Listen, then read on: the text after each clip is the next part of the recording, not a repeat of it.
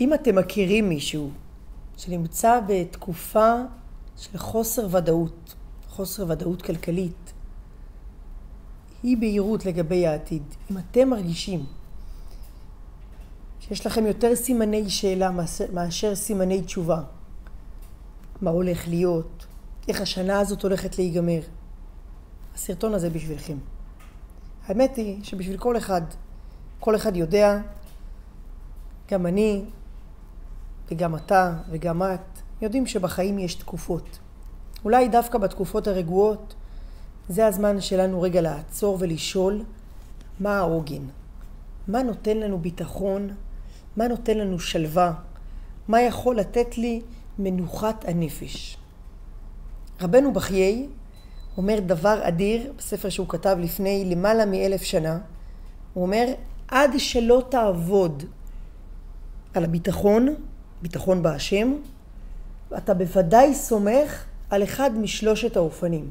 שימו לב, דבר, הגדרה מאוד מאוד מעניינת. מן הסתם, שאתה סומך ואתה רגוע, או בגלל האנשים שעוטפים אותך, המכרים, ההיכרויות, הקשרים שיש לך, או בגלל שאתה סומך על עצמך, או בגלל שאתה סומך על המשאבי הון שצברת, שמקנים לך שקט ורוגע, לפחות במישור הכלכלי. וכאן כל אחד מאיתנו יודע, בתוך תוכו עמוק עמוק, שהדברים האלו שאנחנו סומכים עליהם הם די שבריריים. ניקח את הדוגמה הראשונה.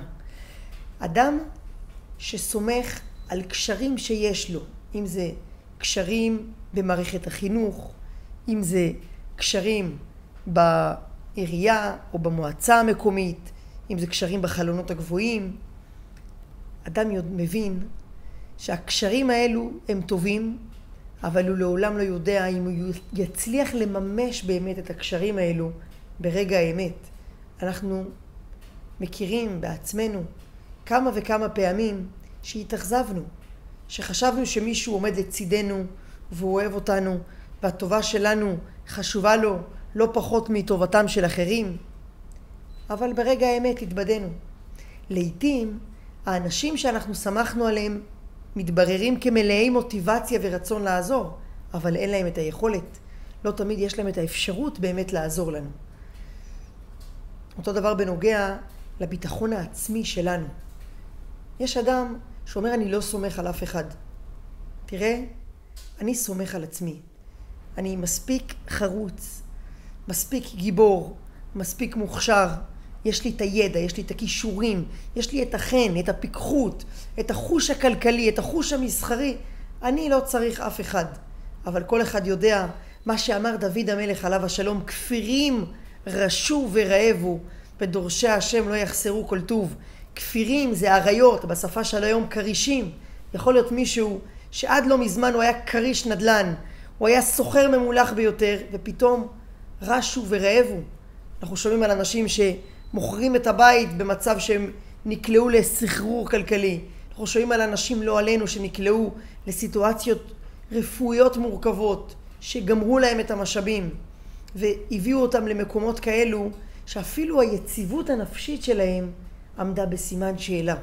וכאן אדם אומר לעצמו, אז על מה אני באמת יכול לסמוך? אם לא על החברים, אם לא על, על, על האוהבים, אם לא על עצמי. יש את הרכוש שאדם צבר וקנה. לפעמים אדם נמצא במצב שהוא אומר, להרבה מבעיות החיים, הרכוש שיש לי יוכל לסדר אותי בעת צרה. כמו שאנשים אוהבים לומר, כסף לבן ליום שחור, או כמו שאומרים פה אצלנו בחדרה, אין חבר נאמן כמו כסף מזומן. אבל ברגע האמת, מתברר שאתה יכול להתבדות. אני מכיר אישית אדם שיש לו כמה וכמה נכסים, ופתאום ברגע אחד של ביקורת של רשות המיסים, שדרך אגב נגמרה בלא כלום, אבל הוא מצא את עצמו כמה חודשים עם חשבון קפוא, ובלי יכולת להוציא אפילו שקל מתוך המאגר הגדול שהוא צבר ביושר ובעמל, אבל ליהנות מזה באותה תקופה הוא לא, הוא לא יכל. אנחנו יודעים על טייקונים שהגיעו מאוקראינה, שהיו מבוססים היטב, חיו חיי פאר, חיי מותרות, הרבה מעבר למה שאדם מן, מן היישוב, אדם ממוצע יכול להרשות לעצמו. וברגע אחד של התקפת טילים, ברגע אחד של מלחמה, הם הבינו שהם נותרו, לפחות כרגע, חסרי כל. אומר הרבנו בחיי, זה לא רק שהדברים האלו לא מספיק לסמוך עליהם, או לא כדאי לסמוך עליהם, או שהם לא יכולים לפתור לך את כל הבעיות. תדע לך, זה הרבה יותר עמוק. כאשר אתה מרשה לעצמך להישען על דבר שאי אפשר להישען עליו, אתה מאבד את המשענת האלוקית. אומר פסוק קשה, ארור הגבר אשר יבטח באדם ושם בשר זרועו ומן השם יסור ליבו. כאשר אתה בוטח על דברים אחרים, אתה מאבד את ההשגחה האלוקית עליך. תדע לך שהקדוש ברוך הוא משגיח על כל אחד ואחד. אתה אף פעם לא לבד. אבל אם אתה מתעקש לבטוח דווקא בקשרים שלך, או לפתוח דווקא בכישורים שלך, בכישרונות שלך, יכול להיות שאתה בזה עכשיו מסלק את השגחת השם מעליך. לפני שנמשיך, אני רוצה לשאול שאלה. רבים מכם בטח יודעים, מי שנחשף לעולמה של החסידות, אני ברוך השם זוכה להיות שליח של הרבי מלובביץ', ומשתדל להעביר את האור של הרבי ואת הדרך של הרבי, את הגישה של הרבי לחיים. הרבי הדריך אותנו בדרך הבעל שם טוב, שכל דבר בעולם הוא מושגח בהשגחה פרטית. שום דבר בעולם הוא לא סתמי, מקרה חולף, דבר של מה בכך, או דבר שקרה באופן טבעי. כל דבר בעולם הוא מדויק, הוא מכוון. גם מה שקורה לבני האדם, כל בני האדם, לא משנה מאיזה לאום ומאיזה גזע, כולם מושגחים וכולם מונהגים מאיתו יתברך. לא רק זה. אומר מורנו הבעל שם טוב, תדע לך שכל תנועה בעולם, אפילו תנועה קלה של עשב, היא מושגחת והיא מכוונת, ובמאמר מיוחד, שנאמר אמנם הרבה שנים אחרי הבעל שם טוב, זה נאמר בשנת 1946 על ידי הרבי הרייץ, בתקופה שבה הוא נרדף על ידי השלטונות הקומוניסטים, הוא כותב במאמר דבר אדיר. לא רק זה שכל תנועה בעולם היא מושגחת, אלא לכל תנועה פרטית של עלה פרטי, יש השלכה לכוונה האלוקית הכללית של כל הבריאה. הכל מכוון, הכל מתוכנן והכל משמעותי. אז אם זה כך, איך אפשר לומר שאם אני מותח על דברים אחרים, אני מאבד את ההשגחה האלוקית עליי? יש שיחה נפלאה שהרבי מסביר יסוד. זה יסוד, אני חושב, לכל החיים, וגם מחזק אותנו בביטחון. לכן אני מרשה לעצמי ככה במאמר המוסגר להיכנס לעניין הזה. אומר הרבי, תדעו לכם שיש דרגות בהשגחה פרטית. מה שכותב הרמב"ם במורה נבוכים פרק נ"א, שההשגחה של הקדוש ברוך הוא על בעלי החיים ועל בני האדם היא לא אותה השגחה, היא נכונה גם לפי שיטת הבעל שם טוב. מכיוון שיש השגחה כללית ויש השגחה פרטית, אז נכון שיש השגחה פרטית על כל מין ועל כל פרט ופרט בתוך המין הזה, ועל כל תנועה של פרט, זאת אומרת תנועה של עלה שמתגלגל ברוח, יש לו כוונה, ובטח ובטח תנועה של אדם שנוסע ממקום למקום, או נפגש, או יוצר דברים חדשים, בוודאי שזה מכוון ומושגח. אבל יכול להיות שההשגחה תהיה מוסתרת. כמו שנאמר בפסוק, ואנוכי אסתר אסתיר פניי ביום ההוא. התורה מתארת מצב שבו יהודי מתוך שקיעה בגשמיות, במותרות, הוא שוכח מי נתן לו את החיל. ואז מתחילות להגיע צרות. ואם תלכו עמי בקרי, אומר הקדוש ברוך הוא, והלכתי אף אני עמכם בחמת קרי.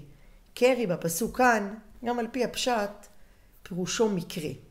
קורה לך משהו, אתה יכול לבחור להגיד, אולי מאותתים לי משמיים. אתה יכול לבחור לומר, זה מקרה, זה שגרה, מחלות מגיעות בעולם, אז הנה הגיע, לא עלינו, לא על אף אחד, הנה הגיעה איזושהי מגפה. מלחמות, זה דבר ידוע מ... מראשית האנושות היו מלחמות. קין והבל לא לחמו אחד בשני. הנה, הגיעה מלחמה. להגיד שזה מלמעלה, שהקדוש ברוך הוא הביא עלינו את המלחמה. אבל זו טעות. ואם תלכו עמי בקרי, אם אתם חושבים שזה מקרה, אני אשליך אתכם ליד המקרה, והלכתי עמכם בחמת קרי. זאת אומרת, אני משגיח עליכם, אבל לא תראו את ההשגחה שלי. ואז אתם תיפלו ליד המקרה, ואתם תגלו פתאום איך שבדרך הטבע אין לנו אפשרות להתקיים. אין לנו אפשרות בכלל לשרוד. הקיום שלנו הוא ניסי.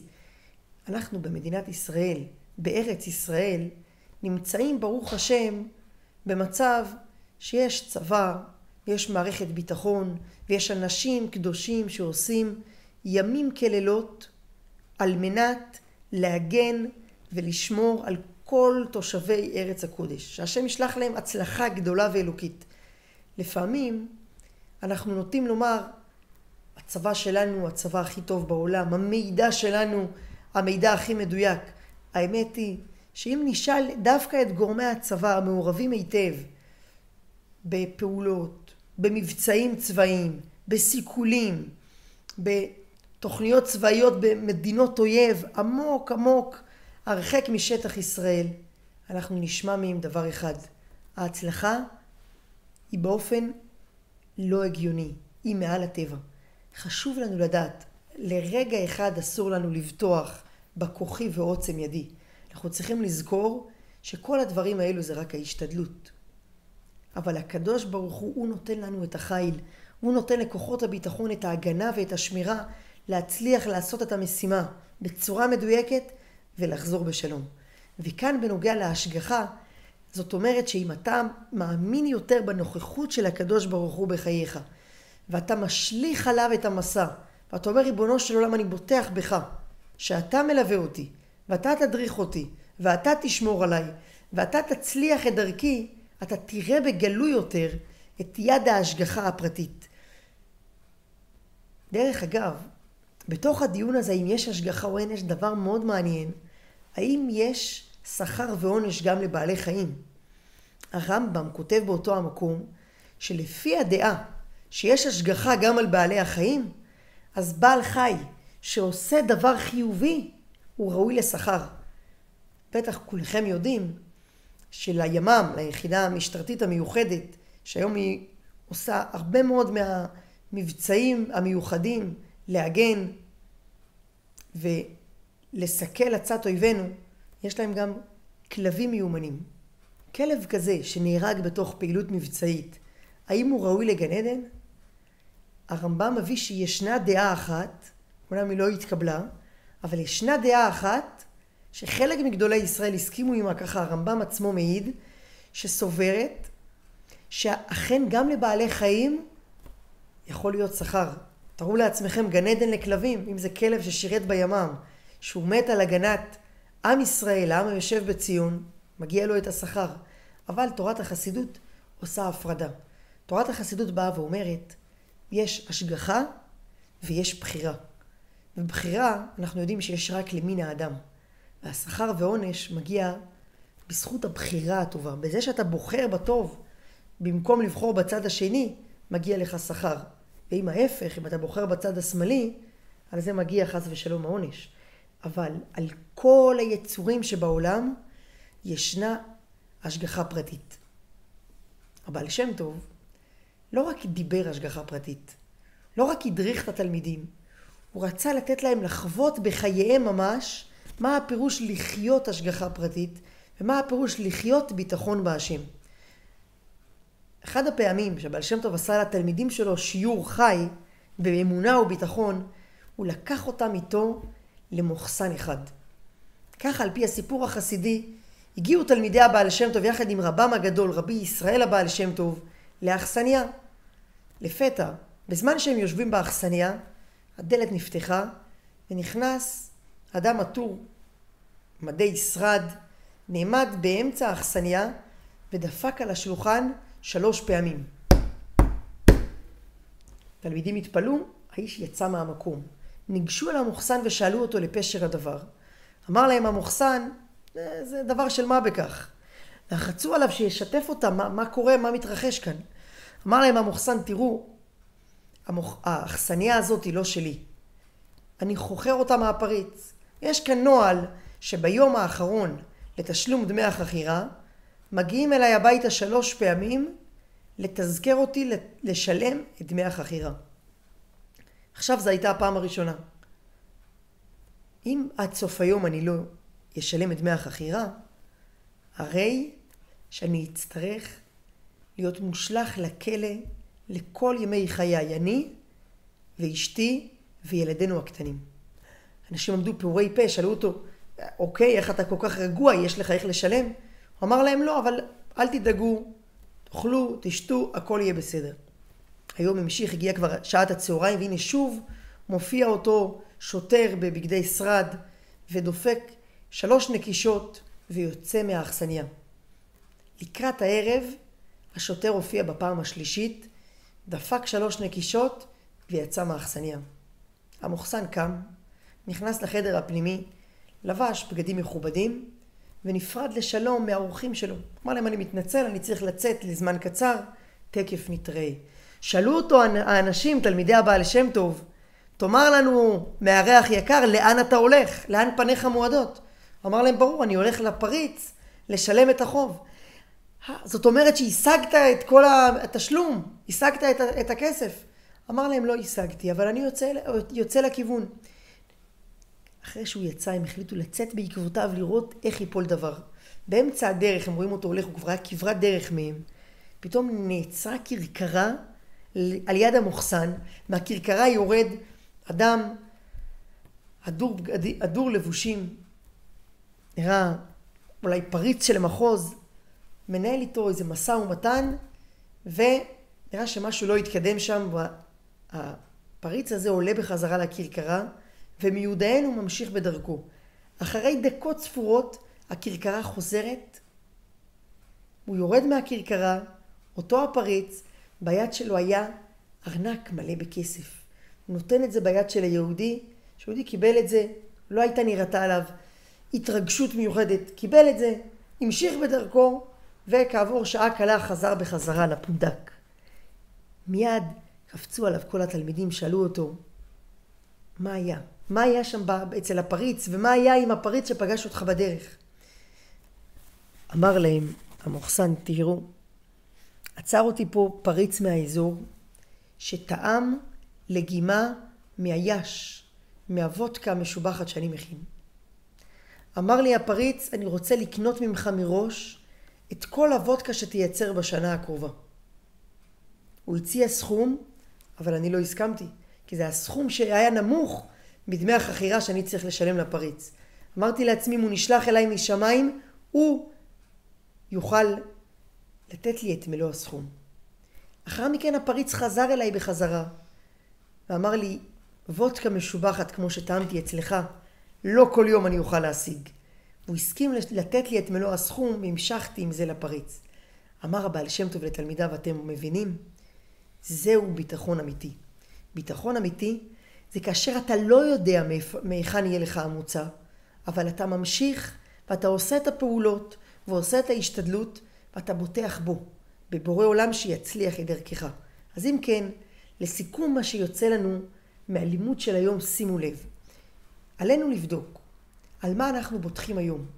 מה מרגיע אותנו, מה נותן לנו שקט. ואנחנו צריכים להרגיל את עצמנו לחשוב ולהבין ולהתבונן שהדברים האלו שעליהם אנחנו סומכים, אם זה משכורת שאמורה להיכנס בדיוק בעשירי לחודש, אם זה עסקה גדולה שהבטיחו לי בראשון לחודש לשלם לי את התשלום המקדמה על העסקה, אם זה נכס מניב, אם זה קשרים, אם זה רופאים שאני מכיר, בכל אחד מהדברים האלו אני צריך לזכור, ההשתדלות היא השתדלות, אבל לרגע אני לא נשען ואני לא סומך על דרכי ההשתדלות. אני משתחרר, אני מתנער מכל הדברים שעד היום שמחתי עליהם, ואני בוטח רק בהשם. ואז מקוים מה שנאמר, ברוך הגבר אשר יבטח בה השם, והיה השם יפתחו. אז היום למדנו איך להשתחרר, תשתחררו, החיים שלכם יהיו הרבה הרבה יותר מאושרים. ברכה והצלחה לכל הצופים. תודה רבה.